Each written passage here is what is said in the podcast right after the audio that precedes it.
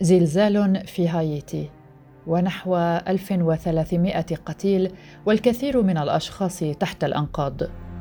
فيضانات في تركيا ومقتل أربعين شخصا بسببها واستمرار البحث عن مفقودين. ومجددا حريق هائل في اليونان على بعد 60 كيلومترا جنوب أثينا. هذه على الأقل آخر أخبار الكوارث خلال الأيام الثلاث الماضية. وقبلها تقرير دولي أعده 234 عالما من كل أنحاء العالم يحذر التقرير ويقول استعدوا للاحتباس الحراري. معكم براء صليبي وهذه حلقة جديدة من بودكاست في عشرين دقيقة وضيفتي في حلقة اليوم أخصائية البيئة والأحياء والناشطة البيئية هيا الدوسري. أهلا بكم. دعا علماء العالم في أحدث تقرير للهيئة الحكومية الدولية المعنية بتغير المناخ إلى الاستعداد للاحتباس الحراري محذرين من مستقبل مروع مع ارتفاع درجات الحرارة. وعزوا ذلك إلى تأخر الدول في الحد من انبعاثاتها من الوقود الأحفوري إلى حد أنها لم تعد قادرة على منع تفاقم ظاهرة الاحتباس الحراري للسنوات الثلاثين المقبلة. فيما حذرت عالمة من أنه لا مكان للهرب.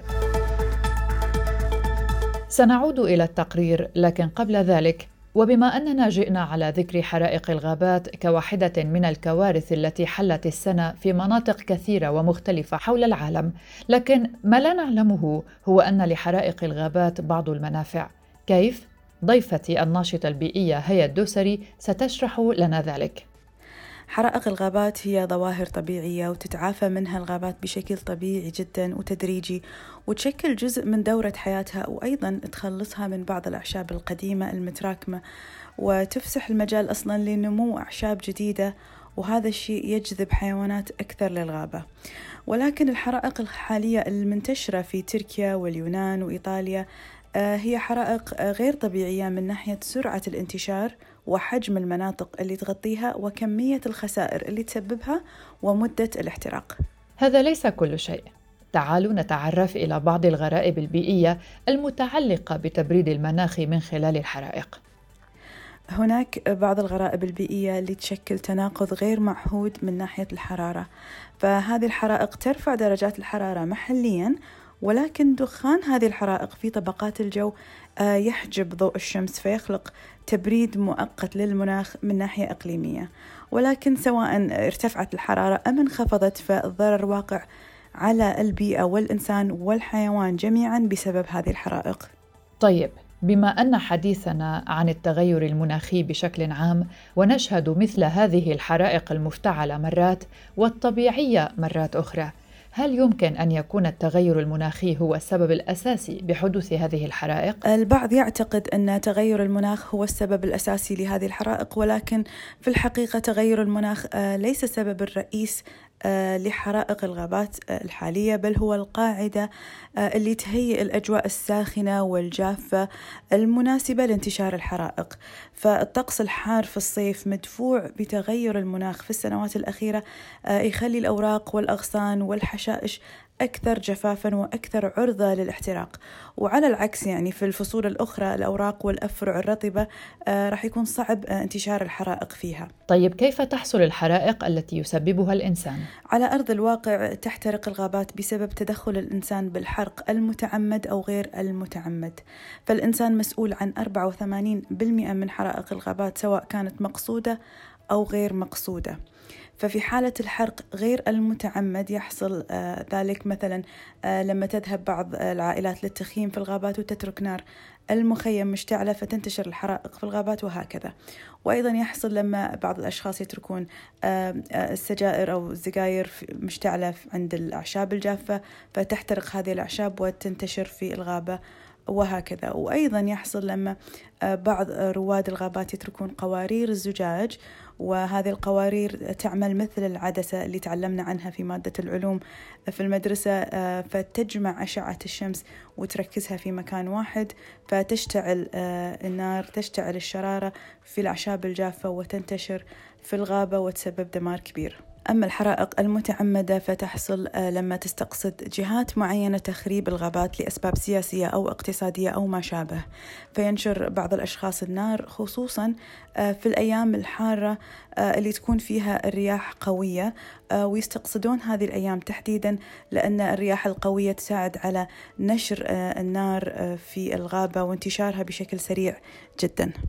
الحرائق التي شهدناها السنة كانت أعلى من المتوقع. هذا بالنسبة لنا كعامة. أما المختصين وعلماء المناخ فهم يدقون إنذارات الخطر منذ سنوات وإذا استمرت الحرائق بهذه الوتيرة هذا يعني ستجيبنا ضيفتي أخصائية البيئة هي الدوسري. البيئة تتضرر بشكل كبير من احتراق الغابات بهذا الشكل العنيف لأن الكثير من الغابات لا يمكنها تجديد نفسها والنمو مجددا وإصلاح نفسها بعد هذا الضرر البليغ. فلما نفقد آه، الغابات إحنا فعليا نفقد مصدر مهم لغاز الأكسجين آه، ونفقد أهم أحواض الكربون. وأحواض الكربون يقصد بها المناطق اللي تمتص الغازات الدفيئة مثل الميثان وغاز ثاني أكسيد الكربون وتحمينا من الاحتباس الحراري. أيضا حرائق الغابات ترفع آه، تلوث الهواء لمستويات عالية جدا وهذا الشيء يسبب أمراض الجهاز التنفسي ويفاقم حالات الحساسية عند الكثيرين وخصوصا الأطفال ويسبب الكثير من الأمراض والوفيات بسبب تراكم الملوثات السامة في الجسم. حرائق الغابات تفقدنا أيضا موائل الحيوانات وبيوتها كما تموت الملايين من الحيوانات البرية ضحية هذه الحرائق المدمرة. وبالتالي فالكثير من الحيوانات تنقرض بسرعة بسبب حرائق الغابات وهذا الشيء يقلل من التنوع الحيوي والبيولوجي في العالم بصورة عامة. ومثال على ذلك آه، ما حصل في حرائق أستراليا عام 2019 آه، اللي راح ضحيتها أكثر من ثلاثة مليار حيوان وهذا الشيء مؤسف ومؤلم جداً.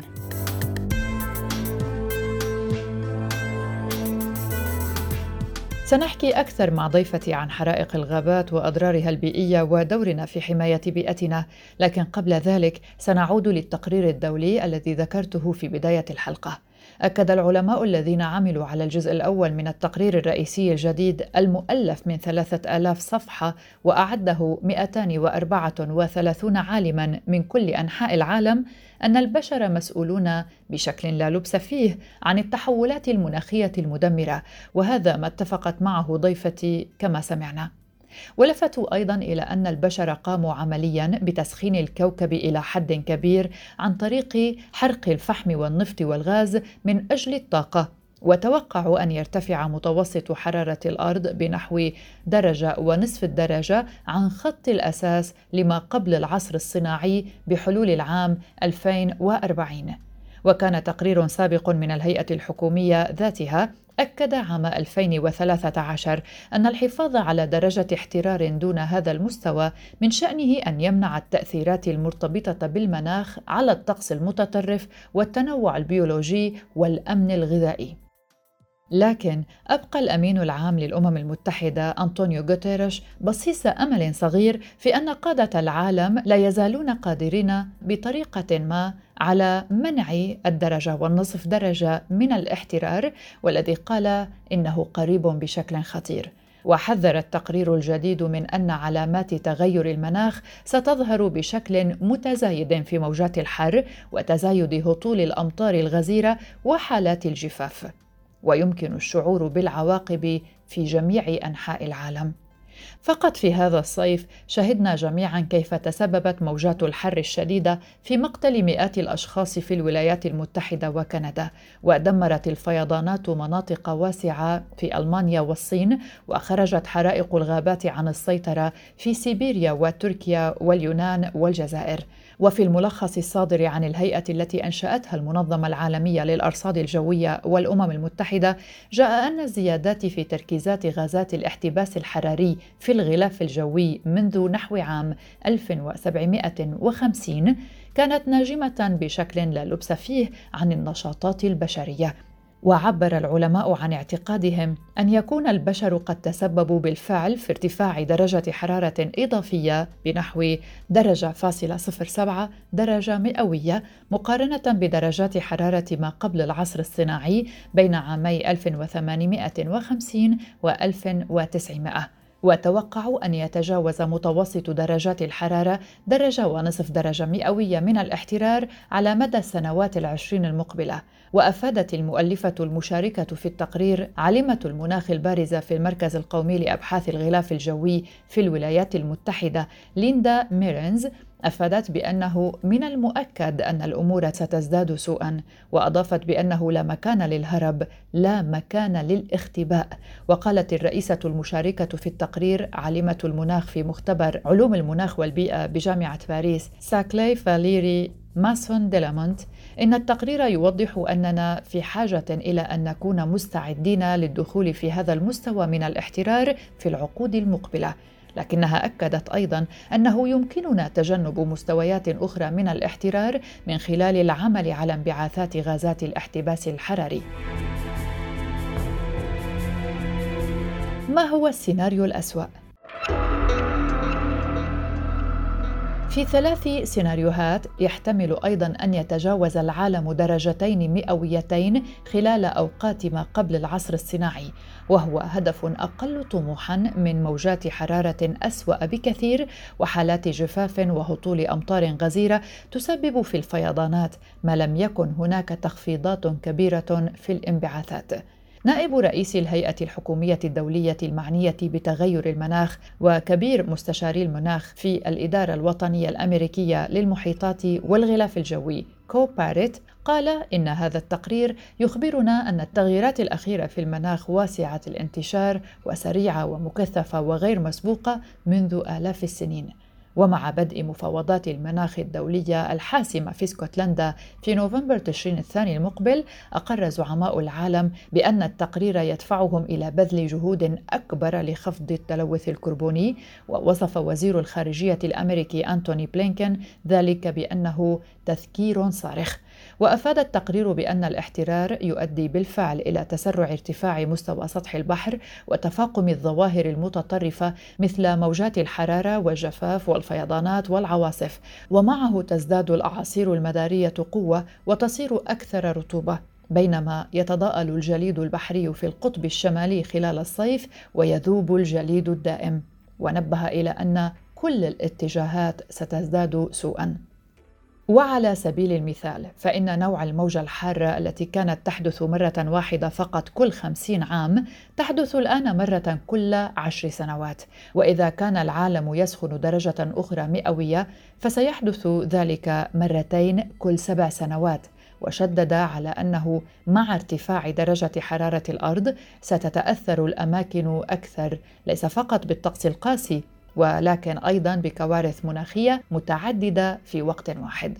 وقال ميرنز إن هذا يشبه ما يحدث الآن في غرب الولايات المتحدة حيث تؤدي موجات الحر والجفاف وحرائق الغابات إلى تفاقم الضرر.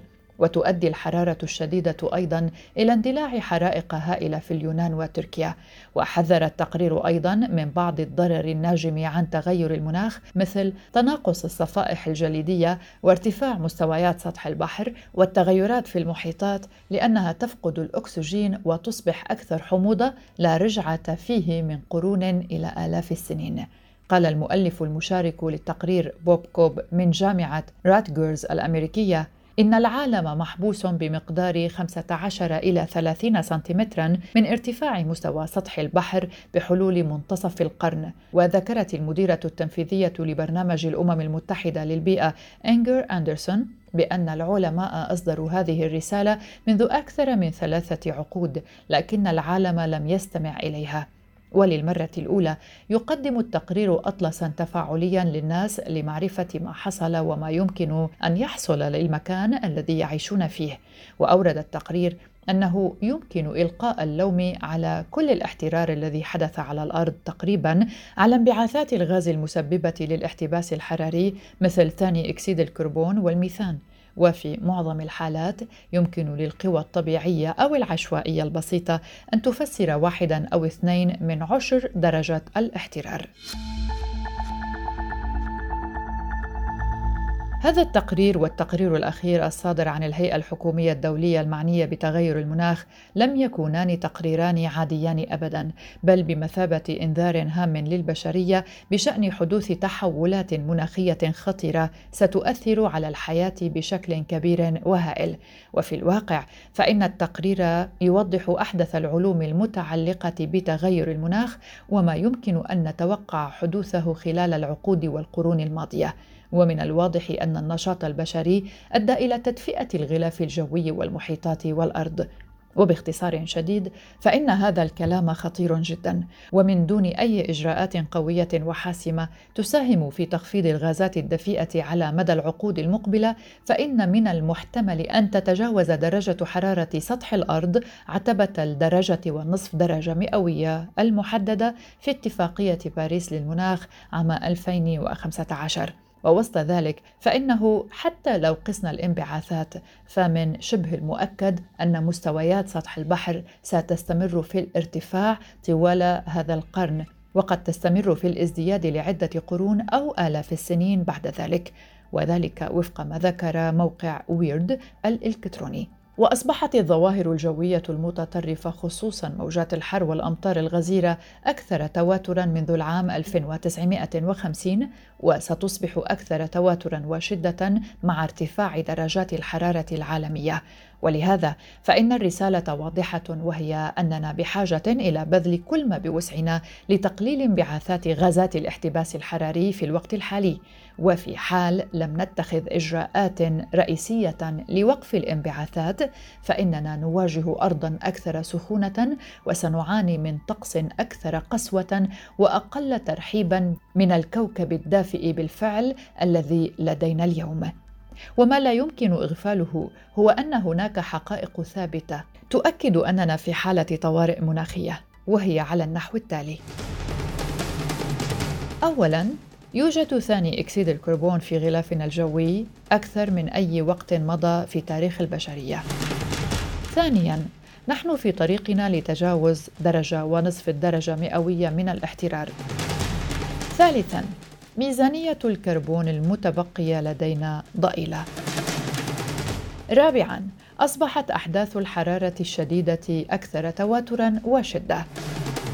ما عليك سوى التفكير في حرائق الغابات المدمرة التي حدثت مؤخرا في أستراليا أو في كاليفورنيا أو جنوب أوروبا لترى أن تغير المناخ يؤدي إلى حدوث أحداث طقس حار أكثر تواترا وشدة. ما رأي ضيفتي بذلك؟ الغابات اليوم تحتاج وقفة جادة لحمايتها من التخريب من خلال الشرطة البيئية وتنفيذ العقوبات الرادعة بالمخربين ومن يتسببون بحرق الغابات. وأيضا تحتاج الغابات لأنظمة مراقبة وحماية مشددة من المخربين.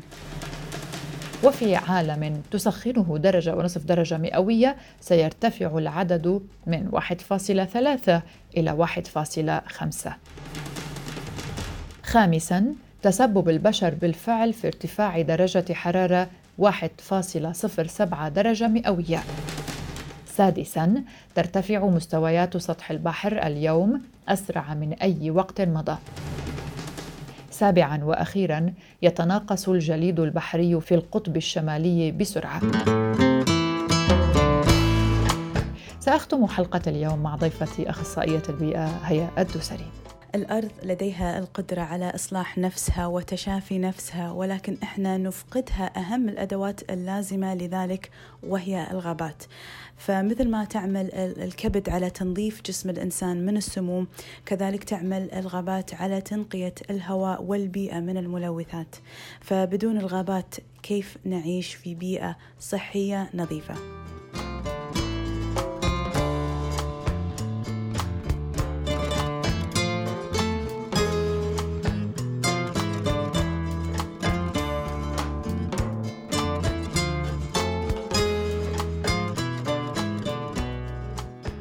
هذه كانت حلقة من بودكاست في عشرين دقيقة من إعدادي وتقديمي براء صليبي شكرا لكم لحسن الاستماع. إلى اللقاء.